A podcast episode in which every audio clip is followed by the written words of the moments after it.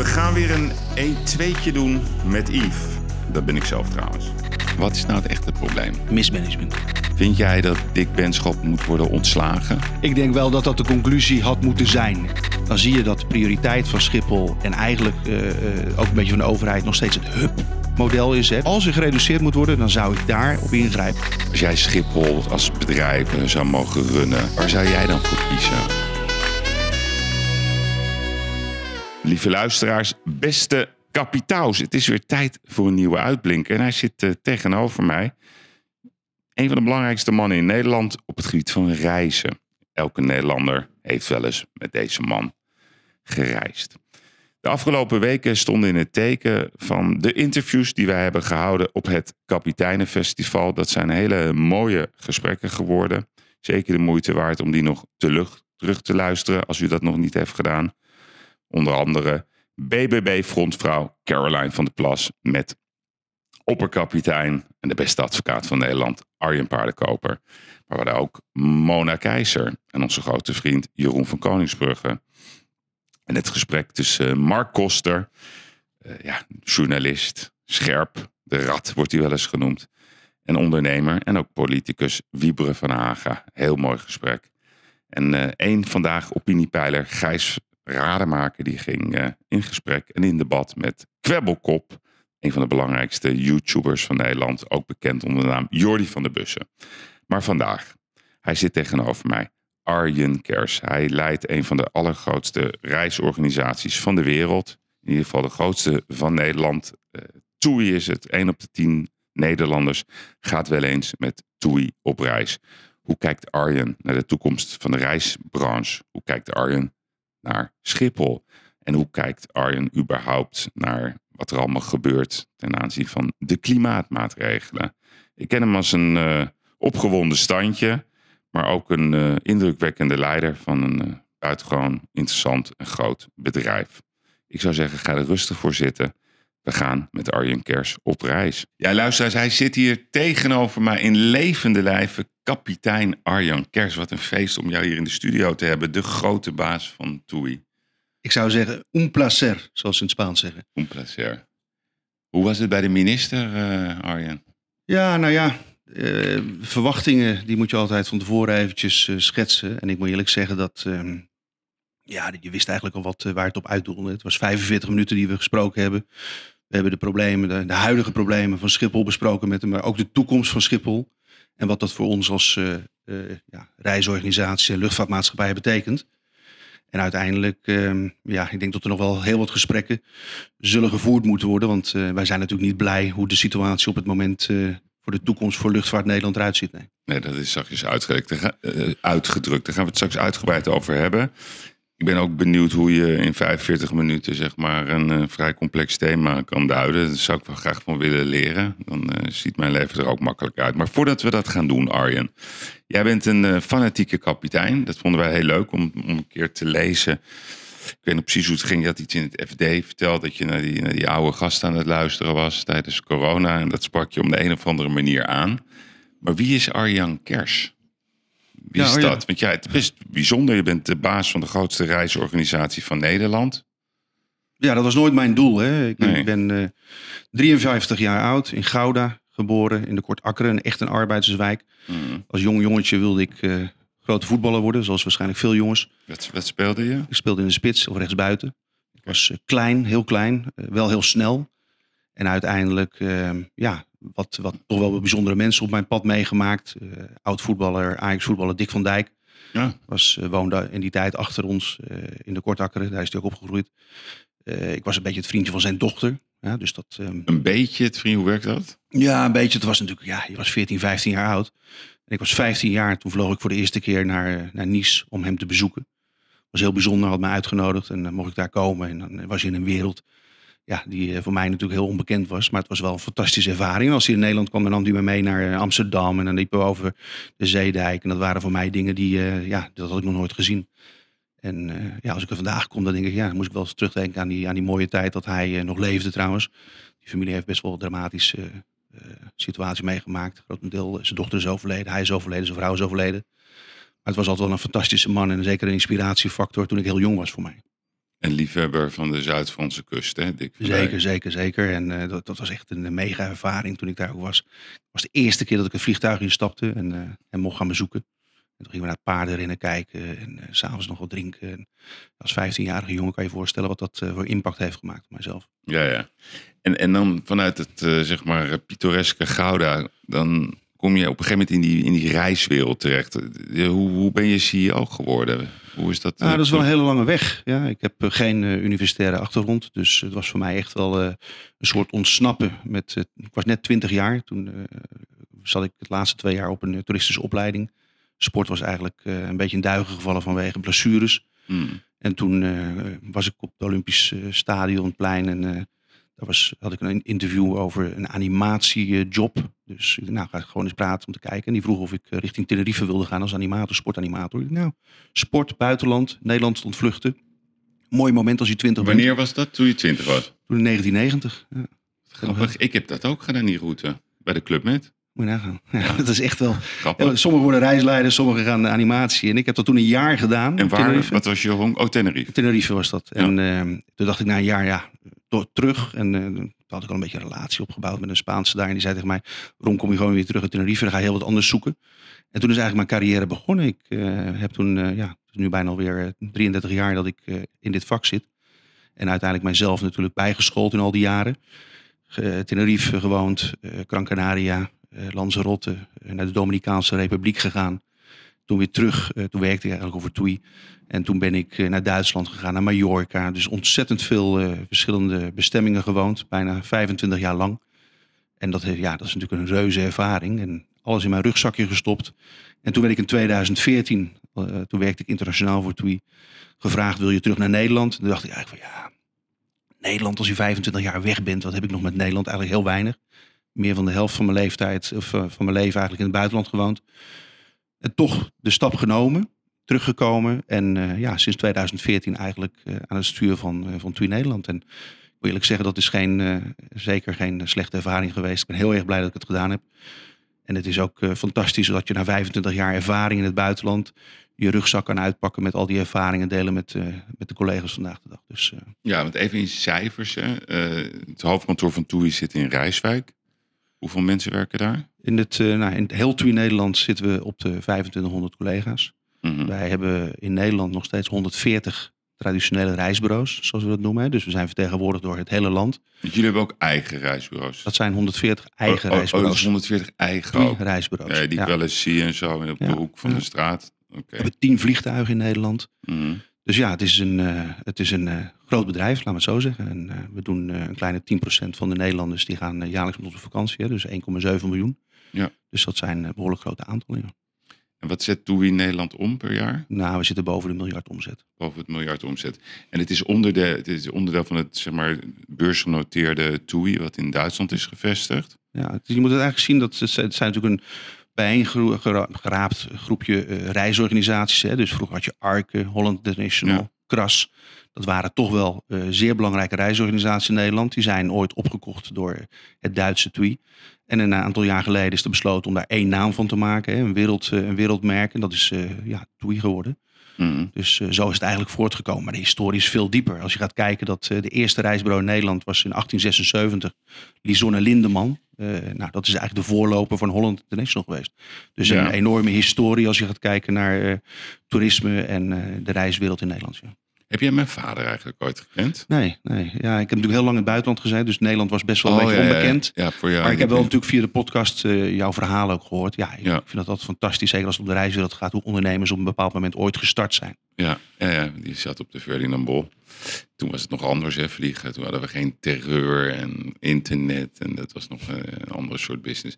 Hey, en en in, in het Duitse concern, dat, wat, wat zet dat om wereldwijd? Nou ja, we zijn natuurlijk een enorm groot concern. Hè? Dus we voeren eh, bijna ja, eh 30 miljoen passagiers. Als je gaat kijken eh, tussen alle landen. Hè? Want Engeland is een heel groot land. Duitsland is een groot land. Waar heel veel eh, toeristen natuurlijk. eh, daar zijn we ook marktleider in alle landen. Dan heb je Polen, Zwitserland, Oostenrijk. Dus ja, het is natuurlijk. In 16 landen zijn we vertegenwoordigd in Europa. Hm. En we werken op meer dan 180 bestemmingen wereldwijd. Waar we natuurlijk ook weer service verlenen. Dus het is, eh, ja, het is wel een mega groot concern. Maar aan de andere kant, eh, de Nederlandse tak is een tak die eh, ja, toch wel eh, sinds een, eh, een 15 jaar zeer, zeer stijgende lijn heeft opgebouwd. En dat is wel heel mooi te zien dat er jaarlijks meer mensen met ons op vakantie zijn gegaan. En eh, daar ook meer mensen natuurlijk blij hebben kunnen maken met een mooie reis, een mooie vakantie. Daar doe je het uiteindelijk voor. Ja, maar, maar even dus, dus maar de Duitse concern, dus wat, wat, wat zet dat dan om? Eh 10, 15 miljard of zo? Ja, we zitten wel rond die, rond die cijfers. Maar is dat niet openbaar of zo? Ja, dat staat ook op de website. kun je ook eventjes nachecken. Maar Oh. oké, de afgelopen twee jaar zijn natuurlijk eh, dramatisch geweest. Dus daar zit ook wel een behoorlijke deuk in, eh, in de cijfers. vermogen. Ja. Dus eh, dat is wel eventjes eh, heel zwaar geweest, als iedereen weet. Ja, en ik, en ik moet hem toch even stellen, die vraag. Want ehm, Alexander Mordashov, die was, eh, die was geloof ik, eh, een derde aandeelhouder eh, van, eh van TUI. Hij werd wel eens de rijkste man van Rusland genoemd. Goed voor, voor 26 miljard. Die is er helemaal uit. Die is, eh, ja, dat is dus de, dat is de man geweest die de afgelopen jaren natuurlijk ook echt wel, eh, denk ik, op een bepaald moment eh, zijn aandeel heeft moeten vergroten om TWI ook te redden. Hè. Dus daar moeten we ook eerlijk in zijn. Dat zijn Ja. in de COVID-periode, dat wij er heel slecht voor stonden, heeft hij natuurlijk ook zijn aandelen op dat moment vergroot. Ja. Ja, tot uiteindelijk de, de oorlog is begonnen. En eh, ja, toen eh, was dat natuurlijk de hele focus op dit moment natuurlijk op de, op de rijke Russen, waar hij natuurlijk als aandeelhouder er een van was. En daar heeft eh, het Duitse ministerie ook direct op ingegrepen. En uiteindelijk alles in de ijskast gezet wat van hem op dat moment was. Dus hij kan ook nergens aankomen. Hmm. En dat is voor het bedrijf natuurlijk ook. Daar heeft het bedrijf denk ik heel snel en goed op gereageerd. Om te zorgen dat daar geen misverstanden over staan. En als je kijkt wereldwijd, hè, ehm TUI, hoort hij bij de top drie grootste reisorganisaties ter wereld? Nou, Europees zijn we natuurlijk nummer één. Maar als je Ja. gaat, wat zijn dan andere reisorganisaties? Als je gaat vergelijken met Booking.com, Ja. wat natuurlijk meer een digitaal platform is. Hmm. Dus als je echt gaat kijken naar puur reisorganisatie, dan is TUI wel nummer één wereldwijd. Dus Ja, ja, als reisorganisatie en als, boek, en als platform, dan staat Booking op één waarschijnlijk. Ja, dan heb je Expedia en dan, eh, Ja. dan, en dan komt de TUI daar natuurlijk wel achter. Maar ik bedoel, het is natuurlijk een andere vorm van, eh, van toerisme vervoeren. Een digitaal platform die grotendeels natuurlijk hotels wereldwijd aanbiedt. En dat op een hele goede manier neerzet. Hmm. En wij zijn natuurlijk veel meer, laten we zeggen, de, eh, van het traditionele gedeelte waar een vlucht met een pakketreis, wat vandaag heel populair geworden is weer, hè, zeker na de COVID-periode. En dat is wel een heel belangrijk onderdeel van, eh, van het model hoe wij vandaag de dag service verlenen. Ja, ja. En, en, en, en waar, hoe verdient een reisorganisatie vandaag de dag zijn geld? Waar, waar zit nou eigenlijk de marge in? Nou, ik denk dat dat bij alle reisorganisaties wel een klein beetje anders is. Kijk, in Nederland heb je natuurlijk ontzettend veel kleine reisondernemingen die eh, op ja, verschillende segmenten eh, aanwezig zijn. Hè. Het luxe segment, eh, het kan ook specialisme zijn. Er zijn reisorganisaties die alleen maar op Azië richten of op Amerika. Hmm. En er zijn erbij die ja, ook op, op, laten we zeggen, invalide reizen. Dus het, het kan op alle sectoren zijn. En ik denk dat, dat als je specialist bent, dat je uiteindelijk hogere marges kan draaien dan dat je een generalist bent. Wij zijn eigenlijk een generalist. Hè. Wij moeten het doen op schaalbaarheid. Dus veel vervoeren tegen iets lagere prijzen. Maar daar bedien je wel grotendeels van de Nederlandse eh, bevolking mee. En aan de andere kant, ja, schaalbaarheid. Dat betekent gewoon dat je gewoon ontzettend veel moet produceren tegen wat lagere inkoopkosten. En dat kan je natuurlijk doen hè, als je een bepaald moment als je groot bent. Hè. Dus jouw inkoopprijzen op zo'n bestemming zijn natuurlijk veel lager dan je veel minder volume brengt. Dat is niet zo moeilijk uit te leggen. Maar aan de andere kant, daar zit voor ons natuurlijk ook het voordeel in. We Mhm. hebben die hele keten zelf in eigen handen. Hè. Dus vliegtuigen zelf, reisbureau zelf, maar ook hotels. We hebben meer dan 300 hotels wereldwijd die van TUI zelf zijn. En daar zit vaak ook de grotere marges in. Dus Ja. sturen op je eigen producten, zorgen dat je de kwaliteit in eigen handen kan houden. Ja, dat is eigenlijk wel het uitgangspunt. Hmm. En eh, als we de Nederlander even gaan benoemen, wat, wat, wat, wat, wat vindt, waar gaat de Nederlander graag naartoe op vakantie? Nou, je ziet natuurlijk, dat is, dat is in de afgelopen jaren ook heel... Vroeger was dat natuurlijk Gran Canaria, Ja. Malaga. Hmm. Dat waren natuurlijk de Nederlandse bestemmingen. Daar is ooit ook Thailand een keer bij gekomen. Nou, dan werd het weer Marbella. Maar vandaag de dag kan je zeggen dat het uiteindelijk eh, ja, de Nederlandse Antillen zijn... die toch wel heel populair zijn bij de Nederlander. Buiten natuurlijk dat, dat, je- dat Gran Canaria, Canarische eilanden in de winter zeker nog steeds een belangrijke bestemming is voor de Nederlanden. Afgelopen winter bijvoorbeeld hebben we bijna de capaciteit op de Canarische eilanden verdubbeld. Mhm. Dat is echt mega geweest. Er waren meer Nederlanders aanwezig denk ik, dan Duitsers of Engelsen. Dat was nog dat is onvertoond. Ook omdat wij eh, op dat moment echt een enorme vraag hadden in de markt naar de Canarische eilanden weer. Heel traditioneel, hè? want iedereen zei, oh, daar ben ik wel eens een keer geweest. En, maar het blijft natuurlijk wel zonzeker. Het blijft een veilige bestemming. Dus ja, dan zie je wel dat mensen daar, zeker Spanje, toch wel altijd weer op terugvallen. Maar doe ze eventjes een lijstje voor mij. Dus, dus nummer 1 tot en met 5 is dan eh, nummer 1 Antillen. Als je gaat kijken naar de traditionele Nederlandse bestemmingen, is het altijd Spanje, Griekenland en Turkije. Turkije was afgelopen twee jaar natuurlijk moeilijk te bereizen voor de Nederlander. Dan waren de restricties wat, uh, wat lastiger. Nu zijn ze weer terug. Nou, dan zie je gewoon dat dat de drie grootste bestemmingen zijn. Waar alle Nederlanders grotendeels heen gaan. Nee, ja, als je gaat overseas, hè, zoals wij zeggen, dus ICA, internationaal. Dan zijn de Antillen wel, uh, laten we zeggen, de grootste internationale bestemming. En, en zoeken Nederlanders elkaar graag op? Ja, nou blijkbaar wel. Want als je ziet ja. dat, uh, dat wij twee keer per dag naar de Antillen vliegen, maar ook KLM. Ja. Dan denk ik wel eens van ja, we blijven al die mensen, die zoeken elkaar zeker wel op. Ja, dat is toch wel iets wat. Dat vinden ze wel gezellig. En, en, en zie je een soort trend dat je zegt, ja, dit zijn nieuwe gebieden. Ik, ik heb vaak gehoord over Kroatië. Ik ben, ben zelf ook daar een paar keer geweest, vind ik erg, erg fraai. Wat, wat zie jij als de nieuwe toplocaties in Europa? Nou, je ziet wel dat uiteindelijk na COVID mensen uh, wat geld gespaard hebben voor wat duurdere en luxere reizen. Ja. Mensen gaan iets langer op vakantie, mm -hmm. dus uh, nemen ook wat meer tijd. Uh, voorheen was de gemiddelde reisduur 10 dagen. Nu zie je een gemiddelde reisduur van 12 dagen. Hè. Dus mensen nemen echt wel wat meer tijd om vakantie te gaan. Anderzijds zie je ook wat nieuwe bestemmingen omhoog komen. Nou, Ibiza is de afgelopen jaren natuurlijk al een hele trendy bestemming geweest, waar veel Nederlanders natuurlijk op dit moment ook weer heen gaan. Maar Kroatië is natuurlijk ook een bestemming die ontzettend veel nieuwe hotels heeft gebouwd. Hmm. Maar wat je ook wel ziet is dat mensen ook weer wat kleinschalige uh, accommodaties zoeken. Hè? Dus uh, wat meer privé, wat meer villa's, wat meer zelfstandig en niet in die grote massa weg willen. Dus je ziet ook wel een verschuiving van. Uh, alleen ja, ik zeg wel vaker, dat is natuurlijk niet de massa. De massa die vervoer je naar de drie grote bestemmingen waar ik het net over had. En uitzonderlijk zie je dat er ook een groei is in kleinere hotels, in kleinere segmenten. Dus, mm. Denk jij dat, dat reizen ook iets voor de elite gaat worden? Je, ik zeg altijd, mijn leven is, is voetbal de belangrijkste bijzaak van het leven.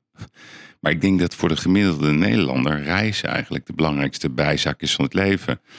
Als ik altijd vraag aan mensen, ja, wat vind je leuk? Altijd zeggen ze reizen. Alleen reizen, daar zit nu een soort straf op. Dus als je reist ben je asociaal of vliegschaamte. Nou, terwijl onze voorbeeldleiders niks anders doen. Wat is eigenlijk de toekomst van reizen? Waar gaan, waar, waar gaan we naartoe? Nou, en hoe gaan we reizen? Kijk, de afgelopen twee jaar heeft dat een enorme dreun gehad. Ik kan me herinneren dat wij...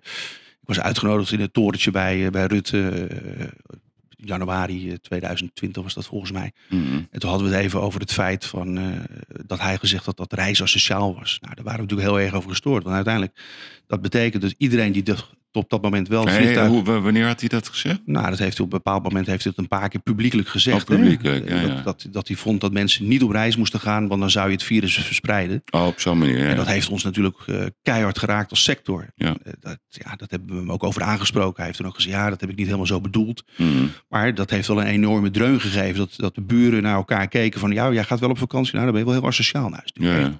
Nat dan. Ja, ik, ik begrijp dat als mensen nood hebben. En vakantie is toch een klein beetje onderdeel van het levensbehoefte geworden van veel mensen. Vakantie is niet alleen maar genieten in het buitenland, maar is ook ontmoeten. Ja. Is ook weer bijdrage leveren aan de lokale economie. Hè? Want we zijn best wel een beetje egoïstisch geweest in Nederland dat wij gebruik hebben kunnen maken van steunmaatregelen.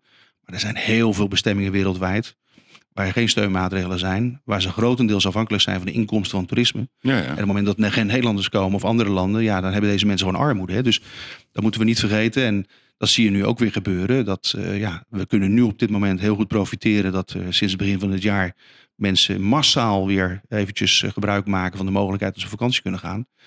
Maar als ik naar voren kijk, dan hoop ik niet dat we weer donkere wolken gaan krijgen vanaf de maand oktober als het virus weer omhoog gaat komen. Want dat creëert zoveel onzekerheid. Vakantie draagt bij aan zoveel goeds. Hè? En dan heb ik het niet economisch gezien, maar ook aan je persoonlijke, laten we zeggen, ontstress. Uh, ja, dat, dat, dat, zijn toch wel thema's waar ik wel eens van denk, die zijn ver onderbelicht. Ja, maar wat ik zo raar vind, kijk, we hebben natuurlijk die hele discussie gehad over corona en over het virus en het gevaar van het virus. Nou, er is altijd gezegd, uh, je kent SARS natuurlijk ook, dat heb je waarschijnlijk ook meegemaakt in 2001. Dat was een bikkelhard opeens weg. En altijd is door de deskundigen, ik zeg even tussen haakjes, gezegd: ja, als het virus uiteindelijk mild wordt, is dat goed nieuws. Nou, dat is het nieuws. En er wordt ook steeds gezegd: ja, we weten weinig over een nieuwe variant. Nou, dat is wat mij betreft een flagrante leugen, want ik volg zelf echt op dagbasis de ontwikkelingen van het virus in Amerika, in Engeland, in Israël. Je kan die data heel goed volgen. En wij zeggen ook, ja, we moeten het nog onderzoeken. Je hoeft helemaal niks te onderzoeken. Je moet gewoon die internationale deskundige panels uh, zien. Dus we zien uh, dat, dat dat virus nu zeg maar licht is geworden. Rutte heeft letterlijk gezegd, hij was in Oekraïne, hij was verkouden, had gewoon corona. Maar hij mag wel.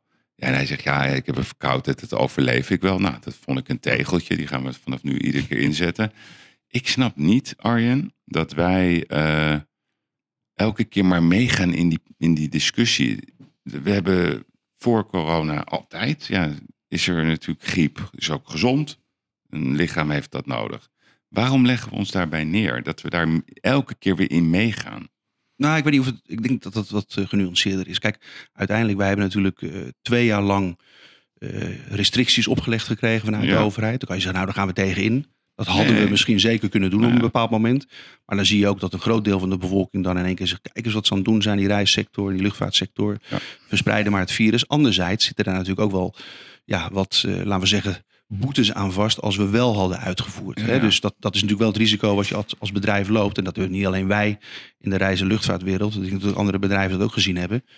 Ja, en dan kan je het mee eens zijn of niet mee eens zijn. Ik denk dat wij uh, een bijdrage hebben geleverd om op een bepaald moment stil te hebben moeten staan. Wat ons uh, uh, honderden miljoenen heeft gekost wat je in de afgelopen jaren hebt opgebouwd. En dat je, wat, je in twee jaar bijna allemaal weer weg kan poetsen. Dus echt eh, dramatisch. Ja. Buiten dat je natuurlijk uh, weinig daar tegenovergesteld. Je kan zeggen, ja, iedereen heeft gebruik gemaakt van de steunmaatregelen. Dat klopt ook wel. Maar niet vergeten dat de reisorganisatie enorme schade hebben geleden door annulaties. Die ze natuurlijk op een bepaald moment op het laatste moment hebben moeten uitvoeren. Ja, en zo kan ik nog wel dingen noemen die, uh, die niet gecompenseerd zijn geweest. En, ja, nee, maar dat begrijp ik, Arjen. Maar daar gaat het me niet om. Het gaat mij om het principe dat um, als, je, als, als, we, als we de crisis even analyseren, uh, dan, dan kunnen we gewoon vaststellen dat de horeca, de totale reisindustrie en de hospitality branche en alles wat daarmee te maken heeft, dat waren zeg maar de, de, de sectoren die het meest hebben geleden. Dus alle dingen die het le leven leuk maakten, cultuur, uh, theaters, reizen, noem het allemaal op, dat, dat moest zeg maar dicht, om wat voor reden ook. Er is nooit echt bewezen dat dat uh, de, de sectoren waren die schuldig waren.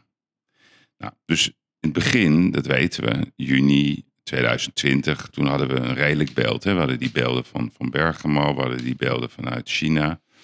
Maar daarna weet je gewoon wat, wat de waarde is van, uh, van al die data. Wat is wel besmettelijk, wat is niet, waar ga je wel aan dood, et cetera. Dus vandaag de dag, we leven nu in de zomer van 2022, weten wij dat het gewoon bij het leven hoort, het virus. Dat is part of the game. Cijfers van kanker zijn veel erger. En dan elke keer duiken ze weer op, de bekende namen. De Mark van Ranst uit België, de Ab Osterhuizen, de Marion Koopmans sommige duiders van bepaalde media, die angstkaart. Ik ben er klaar mee met dat, met, met dat verhaal. Ik meen het serieus. Dus ik doe overal aan mee. Ik, ik vind ook dat we, dat we, als iets echt gevaarlijk is, moeten we helpen. Maar we weten toch dat, dat, dat, dat dit onderdeel is van het leven. Waarom moeten we nu nog een discussie voeren dat het kan opleven? Arjen, het, het gaat opleven. Ja, nou ja, ik hoop ook dat het een onderdeel van het leven gaat worden. En dat, we gewoon normaal, ja. dat we gewoon normaal door kunnen gaan. Want uh, de pijn die we geleden hebben, die is natuurlijk enorm geweest. En wat jij nu ook aangeeft, dat is natuurlijk ook de conclusie uh, geweest die wij allemaal gehad hebben. Van joh, waarom kan dit niet? Waarom? We hebben momenten gehad, uh, Yves, dat wij vanuit Nederland niet mochten vertrekken en mochten reizen. Mm. Terwijl in de omliggende landen gewoon alle grenzen open waren. En mensen, dus ja, heel veel mensen hebben gewoon de auto gepakt. Die reden naar Düsseldorf en die vlogen naar een bestemming toe. Omdat je vanuit Nederland niet mocht vertrekken. Dus het was heel krom. En dat heeft heel veel frustratie en boosheid geleverd. Alleen je kan er zo weinig mee. Want de ja. Nederlandse overheid heeft ons toch aan banden gelegd. En dan kan je zeggen, daar gaan we tegenin, wat ik net zei. Ja, met, de, met natuurlijk uh, de, de, de, gevolgen van dien. En die kunnen heftig zijn voor een groot bedrijf. Dus daar moet je heel voorzichtig mee zijn. Natuurlijk probeer je natuurlijk gedeeltelijk de schade te, te, ja, te herleggen bij de, bij de overheid. Maar dat zijn lange discussies, daar moet je helemaal niet in gaan. Nee, dit, maar die wil ik ook niet voeren. Kijk, ik, ik wil graag begrijpen en dit heb ik een keer in de podcast het narratief genoemd. Hè. Dus als je. Uh, dat was altijd de discussie op tv. Oh, u bent dus tegen de gezondheid. Hè? Dus iemand die kritisch was of die het wou duiden, die werd meteen weggezet als een half idioot. Nou, het narratief van de overheid, dat lees je ook in hun interne stukken. Die, die denken na over als ze iets er doorheen willen drukken. Zeggen ze nee, je moet het zo zeggen en dan krijgen we de burger mee. Heel rare manier van denken. Met de boeren doen ze eigenlijk precies hetzelfde. Dus het narratief is natuur. Dus als je, als je, als je niet meedoet aan die stikstofplannen, dan ben je tegen de natuur. Nou, dus mijn, mijn, mijn conclusie is dat, dat ze knettergek zijn. En dat bedoel ik niet onaardig, maar ja, ik vind dat ze echt knettergek zijn. Ik zie ook alleen maar ministers met elke keer een andere naam. Die mensen, dat is totale middelmaat. Het zijn misschien hele aardige mensen. Ze hebben gewoon geen idee waar ze het over hebben. En ze doen maar wat hun wordt opgedragen. Ik ben daar als mens en ook als ondernemer helemaal klaar mee. Alleen dat kan ik wel zijn. Maar ik vind dat alle bazen van de sectoren dat moeten zijn. Ik denk als we samen een, een, een pact vormen, een vuist maken van ja, tot hier en niet verder. Dan moet ik het nog allemaal zien uh, uh, wat, wat men kan doen. Je kan wel elke keer wel weer, weer papiertjes uh, bedenken, dus de papieren werkelijkheid. Maar de mensen die het geld verdienen in onze economie, de boeren, jij met je reisorganisatie, wat enorm is voor de Nederlandse economie, de totale middenstand. Daar moet je een keer met je poten van afblijven. Dus ik sta er misschien, ik ga er eigenlijk steeds harder in staan. Ik ben er echt klaar mee. We hebben overal aan meegedaan en elke keer moeten we naar dat gezeik luisteren. Nou, ben jij daar niet klaar mee? Nou, natuurlijk ben ik er klaar mee. Alleen, en als ik zeg, ik bereik er weinig mee om maar te blijven mopperen. Ik moet wel vooruit. En nou, eh, de afspraak met zo'n minister, dat draagt wel weer bij om even ons onvrede en frustratie bij hem te uiten. En ze heel, begrijp nou ook eens een keer waar we tegenaan lopen. Ja, want niet vergeten dat we afgelopen twee jaar met verschillende ministeries aan tafel hebben gezeten. Hè, want hm. dat is ook weer maar zo. heeft dat zin gehad? Nou ja, het, ik, ik heb constant gepleit voor een minister van toerisme. Ja. ja want nu in alle landen in de wereld heb hebben we een minister van toerisme. Maar in Nederland hebben we met economische zaken, INW, met vier verschillende ministeries moeten spreken. Hmm. Die ook niet onderling met elkaar heel goed afstemmen. Dus dat is best wel frustrerend geweest. De komende verkiezingen. En nu heb je weer met allemaal nieuwe mensen te maken. Waar je opnieuw jouw frustratie en plannen. En laten we zeggen, toch wel waar we tegenaan gelopen zijn de afgelopen jaren. weer opnieuw moet gaan bespreken. Nou, dat is, ja, dat is uh, heel moeizaam. En dan zie je ook dat het begrip ver te zoeken is. En zeker waar wij als ondernemingen tegenaan lopen uh, en waar we de komende jaren tegenaan gaan lopen. Dus dat is, uh, nee, dat is. Uh... Maar is het voor jou moeilijk? Want ik, ik, ik, ken jou natuurlijk ook van een andere kant. Jij, ik vind jou wel een pittige persoon. Moet jij je heel erg inhouden als je daar zit op zo'n departement? Want aan de ene kant heb je natuurlijk ook te Het is, het is niet een klein bedrijf waar je CEO van bent. Dus je kan ook weer niet te veel gekke dingen gaan zeggen. Je moet je ook inhouden. Is dat lastig? Nou, dat is voor mij heel lastig. Ik ben, ik ben wel een persoon die. dat ehm, denk ik ook. Daarom ben ik misschien ook niet echt politiek uh, de beste en uh, om naar voren te schuiven in dit soort situaties. Maar aan de andere kant is het ook wel eens nodig. Ja, dat, juist. ja, ja, exact. Misschien is het ook wel eens nodig. En dat heb ik ook in de discussies de afgelopen tijd gezien met Schiphol.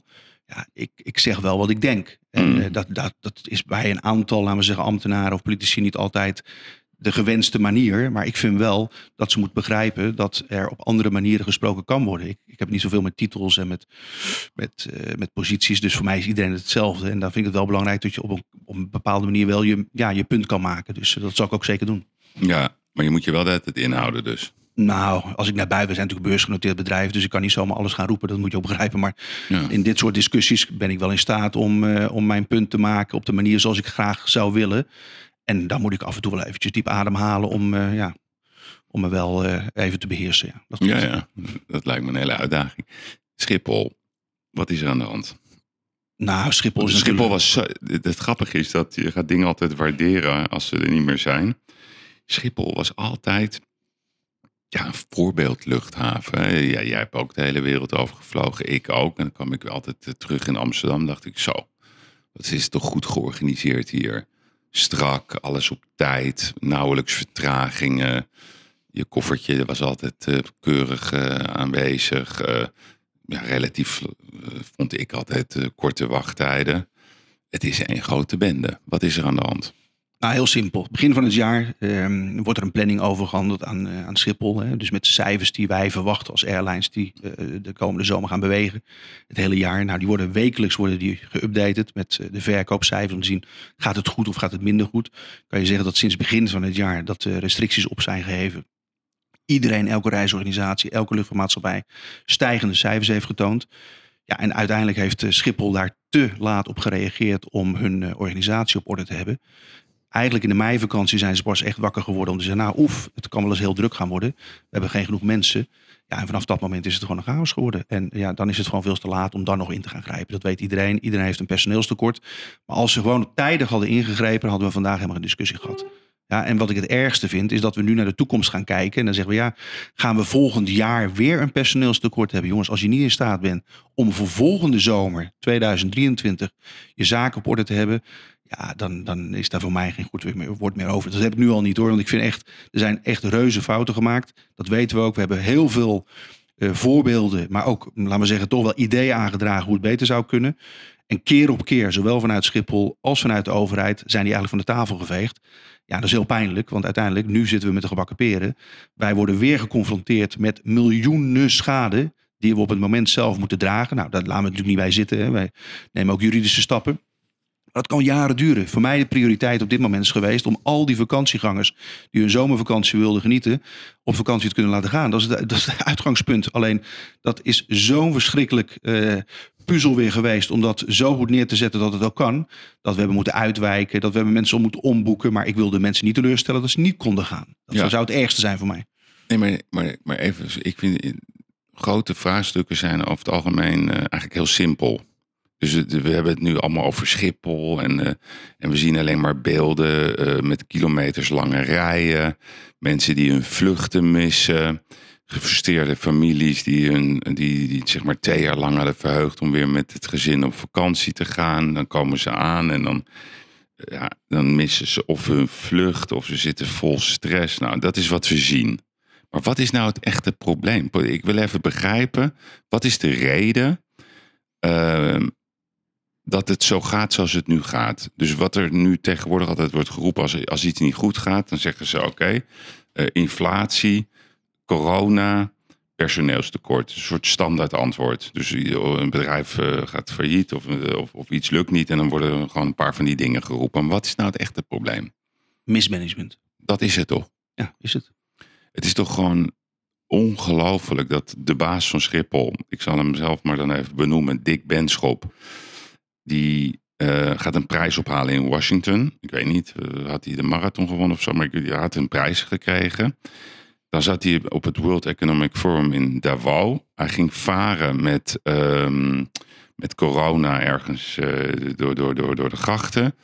Of hij was op vakantie in Portugal. Het bedrijf staat in de fik. Ik weet dat jij, ik had je een keer een appje gestuurd, gewoon midden in de nacht op Schiphol staat om jouw klanten, jouw passagiers uh, te helpen dat ze gewoon tijdig hun vlucht halen. Hij is de baas.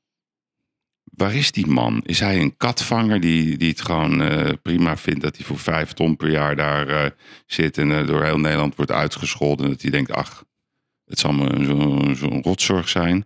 De man is toch totaal ongeschikt?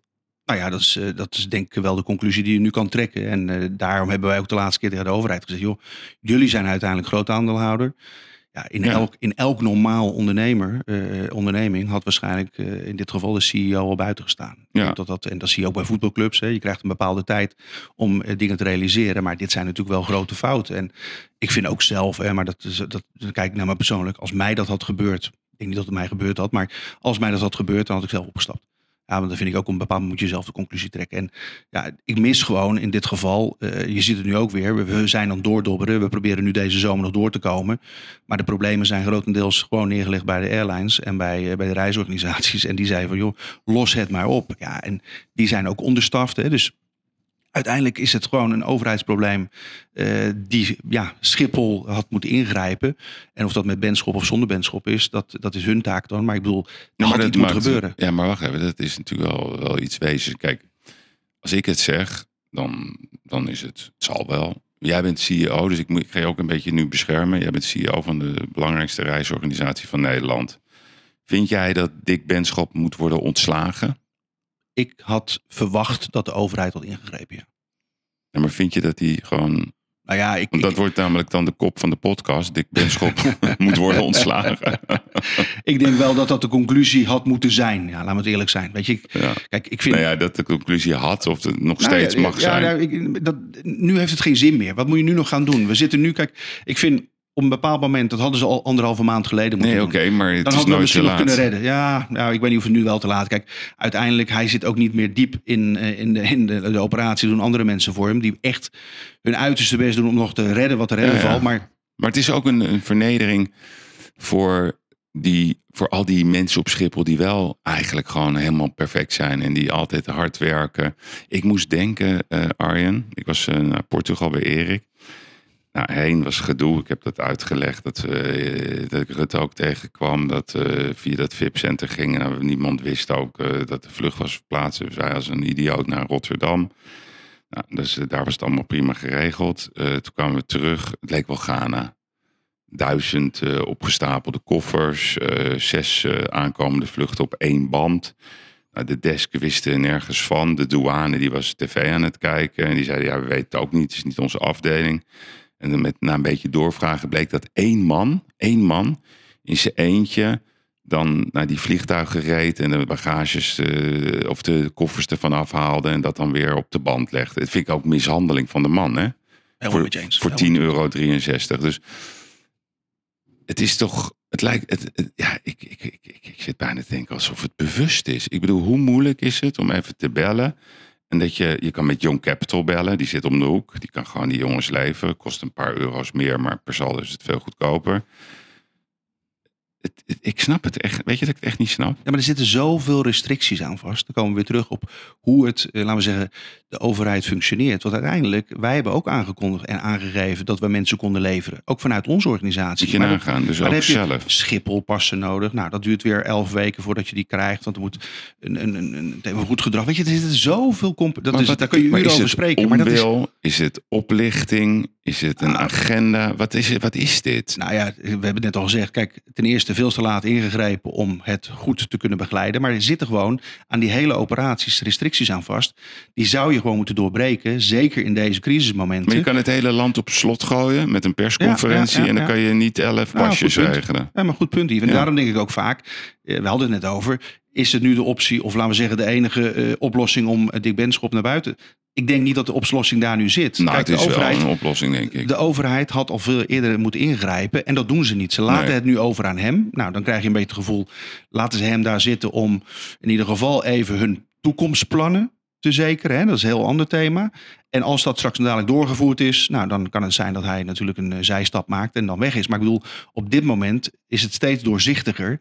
De overheid wil de komende jaren Schiphol verder laten reduceren. Ja. Nou, daar is hij misschien op dit moment wel de geschikte man voor om dat eh, Ja. voor hun te realiseren. Niet voor ons natuurlijk, hè, want wij hebben er heel veel pijn van. Maar dat kan wel een van de. maar waarom doorzicht- zeggen ze niet gewoon, Arjen... Want jij zei net tegen mij, eh, toen we beneden zaten...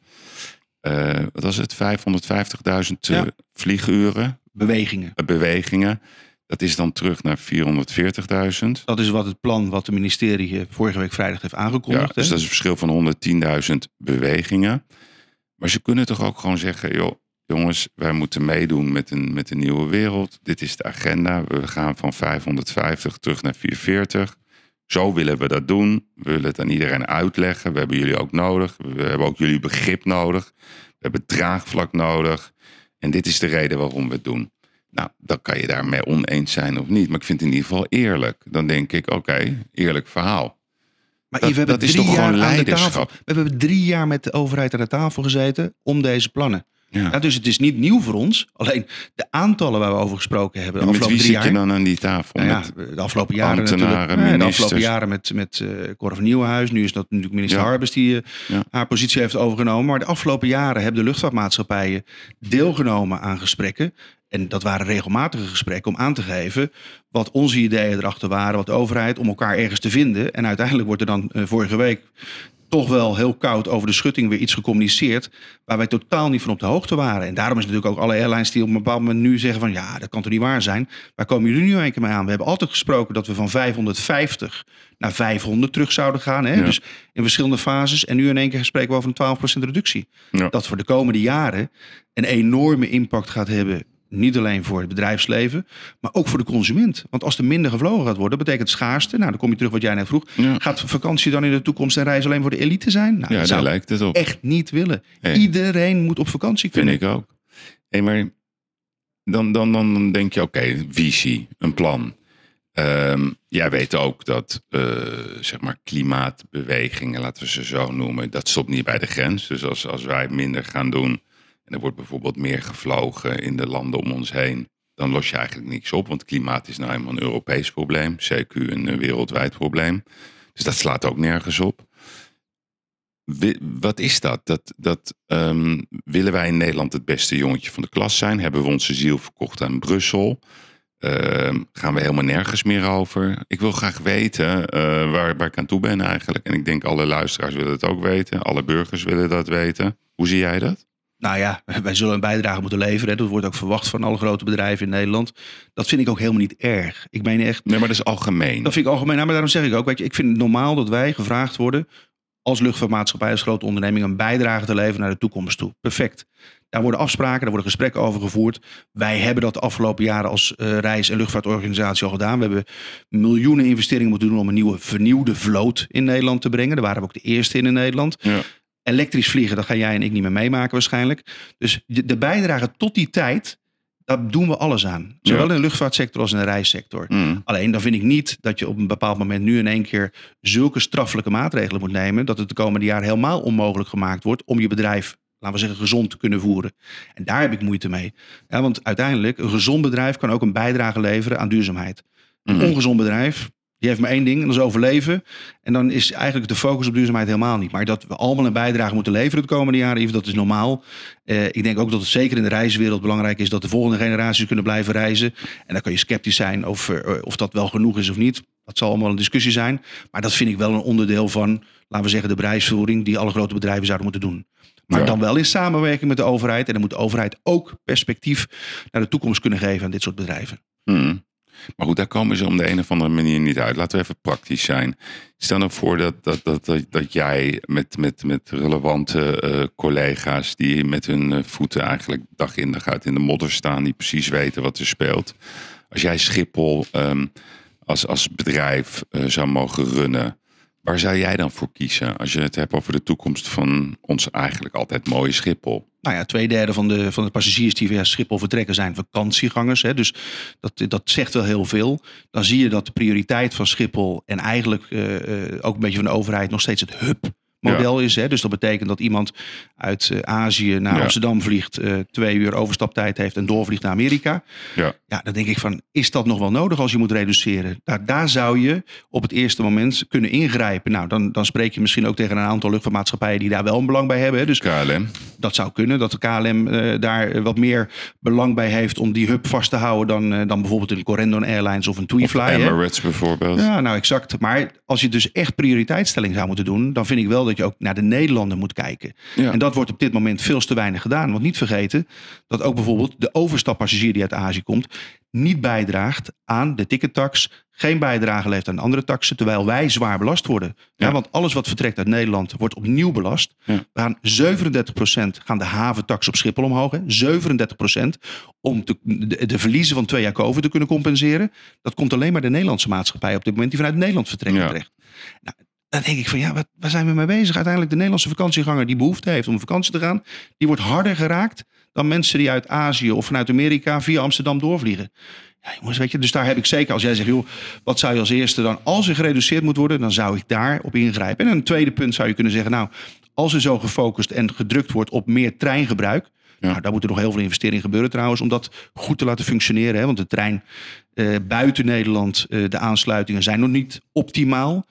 Dan zou je kunnen zeggen, nou, alle afstanden tot 750 kilometer vanaf Amsterdam, die zou je in de toekomst misschien met de trein aan kunnen reizen. Ja, als alternatief voor het vliegen. Maar dan moet je een goedkopere prijs kunnen aanbieden. Een sneltrein die ook als compensatie levert om in ieder geval, als je op business of vakantie gaat, dat te kunnen doen. Maar ja, daar, daar, daar zijn we nog lang niet. Hè? En tot die tijd is er nog een lange weg te gaan om te zorgen dat met alle restricties die de overheid ons nu op dit moment oplegt, uh, Yves, om te kunnen overleven. En dat is gewoon heel zwaar. Mm.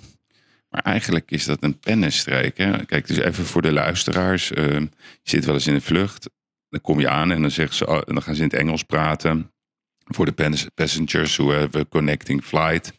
Um, we are 15 minutes late, but you will not miss your flight. Hè? Dat heb ik heel, wel, wel, wel honderd keer gehoord. De, volgens mij is op dit moment de belangrijkste hub in Europa aan het worden Istanbul. Eh, Frankfurt is een belangrijke hub. Is Londen het nog steeds? Nog steeds Amsterdam. Parijs ook, Ja. ja. Maar waarom, wie, wie schaden wij? Wie leidt schade als, als je zou zeggen, oké, we gaan mee met die, met, die, met die reductie van het aantal vliegbewegingen. Dus we gaan naar die 440 of we gaan zelfs naar 400.000.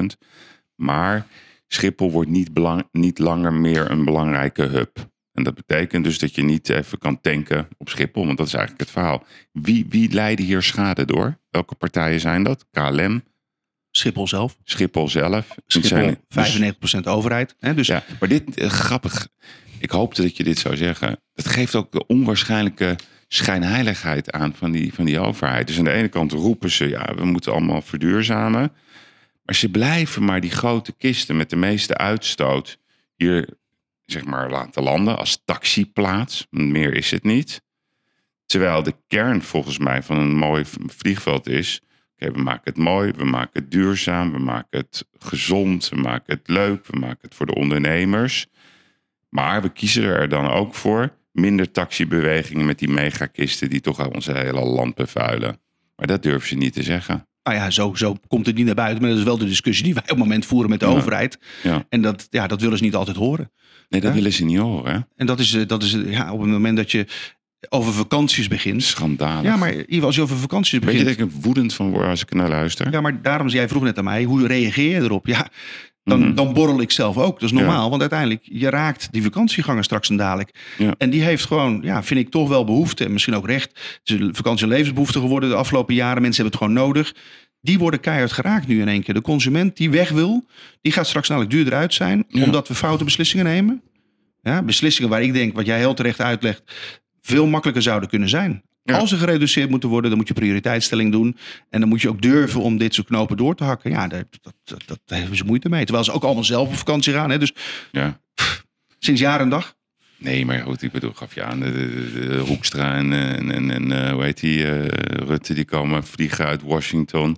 Landen ze Brussel, eh, of hoe heet het, Kaag vliegt gewoon naar Brussel. Neemt niet eens de trein. Of gaat met een elektrische auto heen en weer naar Brussel rijden. Kan ze lekker in de auto vergaderen. Ze zijn zelf het slechtste jongetje, het slechtste meisje van de klas.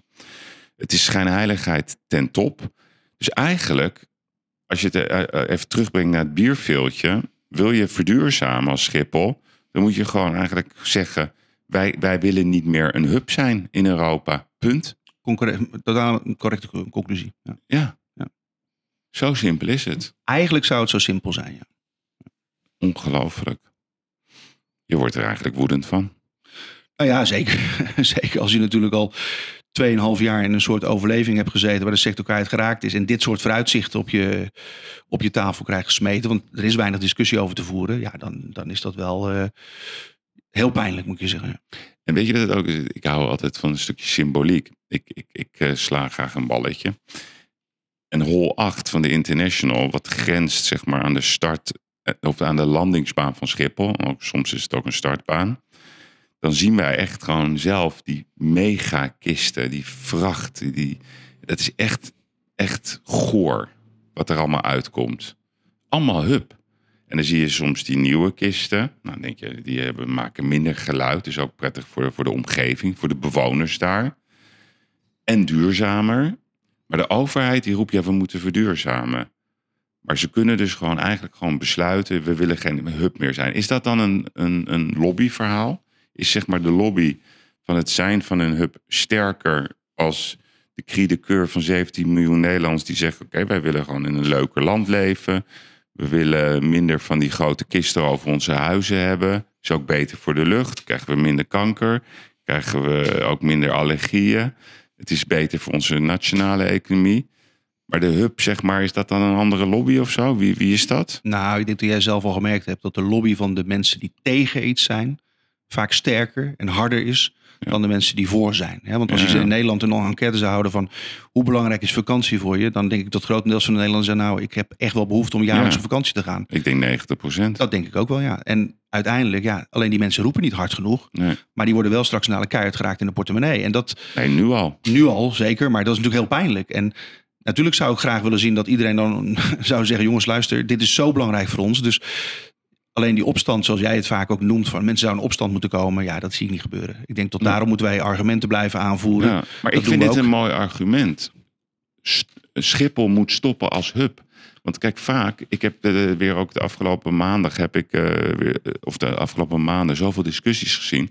En er wordt altijd om de hete brei heen gedraaid. Dus ja, Schiphol en we leggen ons bij neer dat het een zootje is. Dus het, narratief is personeelstekort. Dus ja, dan is er ook geen debat meer mogelijk. Alleen, het gaat nooit over kwaliteit. Het gaat niet over leiderschap. Weet je, het is echt niet zo, hier heb je het stokje. En je weet gewoon dat het dan goed wordt geleid. Je hebt ook nog goede leiders nodig. Hè? Dat, dat, ik bedoel, die, daar gaat nooit meer een discussie over of iemand een slechte of een goede leider is. Maar ik denk dat het gewoon moet zijn, Schiphol moet stoppen als hub. Nou, dat is eh, wat je net al zei. Ik denk dat dat eh, op dit moment, Dan is het ook simpel. dan is het ook Dan simpel. kunnen we En dan, focussen. dat zou ook een focuspunt moeten zijn. En dat is ook de discussie zoals wij hem nu bij de overheid hebben neergelegd. Ja. Mooi. En wie zit, wie is tegen? Nou ja, eh, ik denk dat daar misschien andere interesses spelen die ik niet direct kan doorzien. Ja. Maar dat daar natuurlijk vanuit, wat je ook terecht zegt, vanuit een ander lobbykanaal. Ja, eh, toch andere interessen worden aangevoerd. Alleen eh, wij proberen met onze argumentatie natuurlijk ook heel duidelijk punt te maken hoe belangrijk het is om de komende jaren eh, wel Schiphol ten eerste te kunnen behouden als, als vertrekluchthaven. Want Hmm, voor veel Nederlandse vakantiegangers blijft het nog een fantastische ervaring om via Schiphol te kunnen vertrekken. zeker. Ze moeten gewoon de zaken weer op orde hebben. En Ja. als daarvoor nodig is om een aantal besluiten te nemen, waaronder bijvoorbeeld te zeggen, nou we stoppen als grote hub Ja. binnen Europa. Ja, dan is dat eh, een hard besluit, maar misschien wel het enige en juiste besluit. Ja, zeker. Hey, en, en, en Lelystad, gaat daar nog wat mee gebeuren? Nou ja, uiteindelijk naar de laatste aankondiging eh, werd ook direct meegenomen dat eh, de discussie rondom Lelystad in twee, eind 2024 weer opgestart zou worden. Dan spreek je over twee jaar. Hè, dus dan gaat die discussie opgestart worden. Nou, dan houden we rekening mee dat het, als het ooit nog eens een keer open gaat, 2025, 2026. Yves, weet je, het is allemaal langer. En tot die tijd zit je met een soort onzekerheid. Ja, je moet je bedrijf verder kunnen leiden. Je moet de mensen perspectief kunnen geven voor de komende jaren. Waar vandaan op vakantie. Dat, dat is allemaal zo verschrikkelijk moeilijk aan het worden. Ja, en daar vechten we op het moment ook tegen. Kijk, als hij had gezegd van joh, we gaan reduceren op Amsterdam, maar Lelystad gaat per direct open. Dan geef je ook weer wat perspectief. Dat is hetzelfde met de boeren. Hè? We halen wat bij je weg, maar wat krijg je ervoor terug? Niks. Niks. Dus ja, hoe moet je daar tegen ingaan? En eh, aan de andere kant moet je wel zorgen dat je organisatie eh, gemotiveerd blijft om ook eh, de komende jaren, want niet vergeten, de reissector heeft natuurlijk al 20 of 30 jaar lang met uitdagingen te maken. Of het nou orkanen waren of aanslagen of tsunamis. Er is altijd wel wat. Maar we zijn ook Mm. altijd in staat geweest om weer er bovenop te komen. Alleen nu is het al twee jaar COVID. Nu is het weer Schiphol. Het is Ja, wel is klap op klap. En dat, dat Ja. is voor heel veel kleine ondernemers is dat onmogelijk om hier door te komen. Ja. Met heel veel respect ook, hè, want dat zijn echt mensen die hun eigen geld erin hebben gestoken. Voor grote ondernemingen zijn de klappen natuurlijk nog harder omdat je groot bent. Maar ik bedoel, iedereen heeft hier pijn. Hmm. Ja.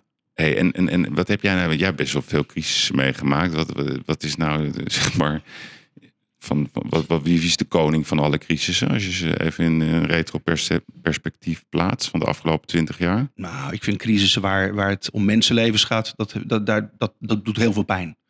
Ja, dat, dat, dat raakt je ook persoonlijk. En dat hoeft nog geen eens heel grote momenten. Want ja, regelmatig overlijden er wel eens mensen op vakantie. Dat gebeurt. Maar als ik wel eens berichten voorbij zie komen dat een kindje verdronken is in het zwembad. Nou, dat, dan moet ik wel even slikken weer. Weet je? Dat, ja, ja. dat is dan niet altijd een, een klant van ons geweest uit Nederland. Het kan ook vanuit een andere twee landen zijn. Maar dat gebeurt nog steeds. En daarom zeg ik, dat zijn wel dingen die je keihard raken als persoon zijnde. Wat is nou het gekste wat jullie ooit hebben meegemaakt op een vlucht? Nou, de laatste jaren is de agressiviteit aan boord wel heel heftig geweest. Ja? Ja, dat vind ik wel. Mensen hebben een korte lontje. Eh, niet vergeten dat iedereen dag en nacht bezig is om, eh, om mensen een goede vakantiebeleving te geven. Het gaat gelukkig grotendeels altijd goed, maar het gaat ook wel eens fout.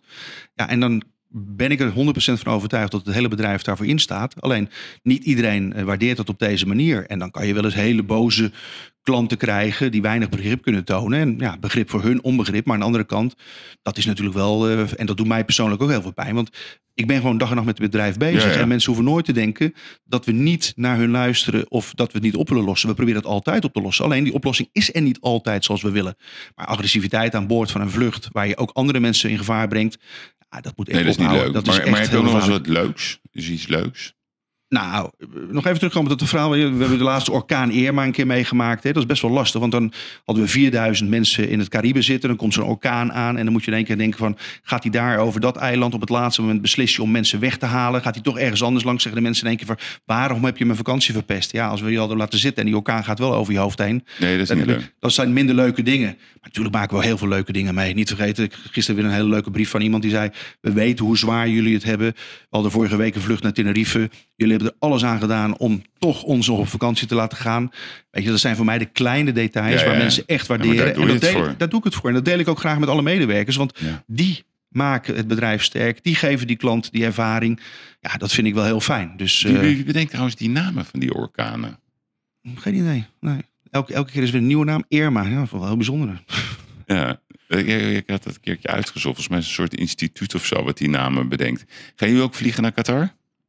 Wij vliegen zelf niet naar Qatar. Nee, Oh, niet? Nee. Maar wel pakketreizen? nee, nee. nee, nee. Dus jullie ze gaan, geen... Nee, eh, maar dat heeft ook niks met de situatie in nee, Qatar te maken. bedoel ik, hè? Ja, maar dat, daar, daar zijn andere organisaties die daar de recht op hebben gehad. Dus Oh. eh, die doen dat zelf. Ja. En mocht het zo zijn dat ze vliegtuigen van ons nodig hebben die ingehuurd worden, dan zou het kunnen zijn dat er misschien een vliegtuig die kant op gaat. Maar dan is dat niet uit onze organisatie. Nee, niet uit jullie. Exact. Formule 1 doen jullie wel, hè? Ja, Formule 1 heel populair op dit moment natuurlijk. Hè? Dus eh, enorm. Ook afgelopen weekend weer in Wenen. Volgende week naar, naar Hongarije. Dus ja, er gaan ontzettend veel Nederlanders die kant op. Het is echt eh een grote hype aan het worden. Ja. Want ze kregen een beetje eh, de schuld, hè, de Nederlandse fans, supporters in eh, Oostenrijk. Ik had een verhaal gehoord, ik weet niet of jij dat ook hebt gehoord, dat er twee dames waren die ehm, zich hadden ingeluld. En als alibi hadden gezegd dat ze eh, zeg maar werden betast en werden beschreeuwd. En dat ze daardoor met Vettel in contact kwamen. Ik had begrepen dat het een setup was. Maar ik weet niet of het waar is, of jij er iets over hebt gehoord. Ik heb eh, toevallig eh, met, met onze collega's gesproken die ook aanwezig waren daar. En die eh, bijna 400, 500 mensen hadden begeleid. Ik heb gevraagd, hebben jullie incidenten gezien? Zeiden, oh ja, luister, tuurlijk drinken de mensen veel. Maar binnen onze groep echt geen incidenten gebeurd. Daar ben ik gewoon heel blij om. Het zou, zou echt heel negatief zijn als er een soort smet op komt nu op alles wat Formule 1 reizen zijn. Dat zou ik echt niet fijn vinden, want het is juist een fantastische sport. We zijn super trots op Max Verstappen. Dus eh, Ja, maar ik ben ook trots op, op, op, op onze kolonnes. Ik bedoel, eh, of het nou in Bern is dat iedereen en masse eh, in die kolonne loopt. Ik heb het ooit zelf meegemaakt in de Oekraïne. Het was fantastisch. En er is altijd wel één of twee tussen ja, die even uit zijn dak gaat. Die moet dan gewoon, vind ik, door de groep worden gecorrigeerd. ja, goed punt. Exact, zo zit ik er ook in. Maar dat vind ik ook aan boord van een vlucht. Ja. Ik vind als iemand eh, zich misdraagt aan boord eh, over onvrede, ja, dan vind ik wel dat andere passagiers daar ook wel wat mogen van mogen zeggen. Uiteindelijk, je brengt andere mensen in gevaar. En dat gebeurt veel te weinig. Want tegenwoordig, als je wat zegt bij dit soort incidenten, ja, dan kan je zelf ook nog klappen krijgen. Dus dat is. eh, Mooi. Ga je nog op vakantie? Ik heb eh, twee jaar eventjes eh, niks kunnen doen, want we ze hebben echt heel diep gezeten. En ik heb hoop dit jaar eh, weg te kunnen. Ik heb wel iets gepland staan. Ik ga misschien eens een keer voor de eerste keer in mijn leven cruisen. Heel bijzonder, maar mijn vrouw zei, joh, laten we nou eens ergens weer naar uitkijken, want we hebben het ook keihard nodig. Dus mocht er niks tussendoor komen, want anders kan ik het dat nog afzeggen, probeer ik wel in augustus nog eventjes een weekje weg te gaan. Ja. En, Maar ik sta altijd aan, hè? dus Ja, ook, al- het maakt niet uit waar ik ben. Nee, bij jou, bij jou is het never a dull moment. Ik, ook, wil ik ook niet, wil ik ook niet. Nee, nee. Ik kan echt niet uitschakelen. Dat, dat past ook helemaal niet bij mij. Ik word s'nachts altijd even wakker. Om een uur of twee, drie. Kijk ik op mijn telefoon om te kijken of er nog iets gebeurd is. En of ik nog ergens moet ingrijpen. En dan slaap ik wel weer verder. Maar ik wil gewoon alert blijven. Ja? Ja, ja. Het zit gewoon in het bloed. Nee, dat zit in je bloed. Maar wel, wel- welke, welke gebieden ga je aandoen als je gaat Noorwegen. Oh, mooi. Ja. Ik ben nog nooit geweest in Noorwegen. Dat lijkt me fantastisch. Nou ja, die route die we gaan doen. We gaan helemaal naar het noorden. Spitsbergen ook? Eh, net voor Spitsbergen gaan we volgens mij terug. Tromso en dan net nog een stukje de hoek om. Ja. Dus echt wel naar het noordelijkste gedeelte. En wat fjorden. Maar gewoon eens eventjes een nieuwe ervaring opdoen. Voor mezelf ook voelen van... Is dit echt iets wat groeiende is? Hè? En een cruise business is ook groeiende. Maar ik wil gewoon zelf eens ervaren wat dat, wat dat betekent. Mooi. En, en heb jij nog voor, de, voor, de, voor onze luisteraars een soort geheime tip dat je zegt van, nou, dat is echt een plek in de wereld. Daar moet je echt een keertje naartoe Ah, je hoeft gaan. niet ver te gaan. Ik ben zelf mijn hele leven met, eh, met mijn kinderen alle werelddelen en altijd een beetje off the road. Hè. Dus we hebben een paar fantastische reisorganisaties in Nederland die daar specialistisch in zijn. Ik ga niet altijd met onze eigen reisorganisatie, kan ook met anderen die daar een fantastische invulling aan geven. Nou, er zijn echt wel een paar toppers daarin die eh, hele mooie reizen organiseren in Nederland. En die ook die attentie geven. Dus zeker wereldwijd. Maar je hoeft niet ver te gaan. Bijvoorbeeld Noord-Spanje. Veel mensen gaan altijd richting Marbella, Malaga, Alicante. Maar Noord-Spanje, dus Santiago, eh, Cantabria, eh, País Basco. Dat zijn echt fantastische oorden. San Sebastian. San Sebastiaan, heerlijk eten, heerlijke wijnen. Ook een, echt een beetje ruigere gebieden. Hè? Lekker wandelen. Bilbao is ook fantastisch. Fantastisch. Weet je, Ja. dus eh, het hoeft niet altijd heel ver te zijn. Nou, Erik heeft het vaak natuurlijk altijd, vind ik altijd grappig over zijn Portugal. En Portugal was altijd heel populair bij de Nederlander. Nog steeds. Maar hij heeft de afgelopen jaren natuurlijk ook wel heel veel huizen, eh, bezitters natuurlijk aangetrokken. En dan zie je uiteindelijk dat het qua toeristen wat minder wordt. Hè? Dus mensen hebben hun eigen huis, gaan bij familie op bezoek. Ja, ja. Maar Portugal blijft natuurlijk ook nog een fantastisch en heerlijk land. Eh, zeker als je even wil genieten van een momentje zon.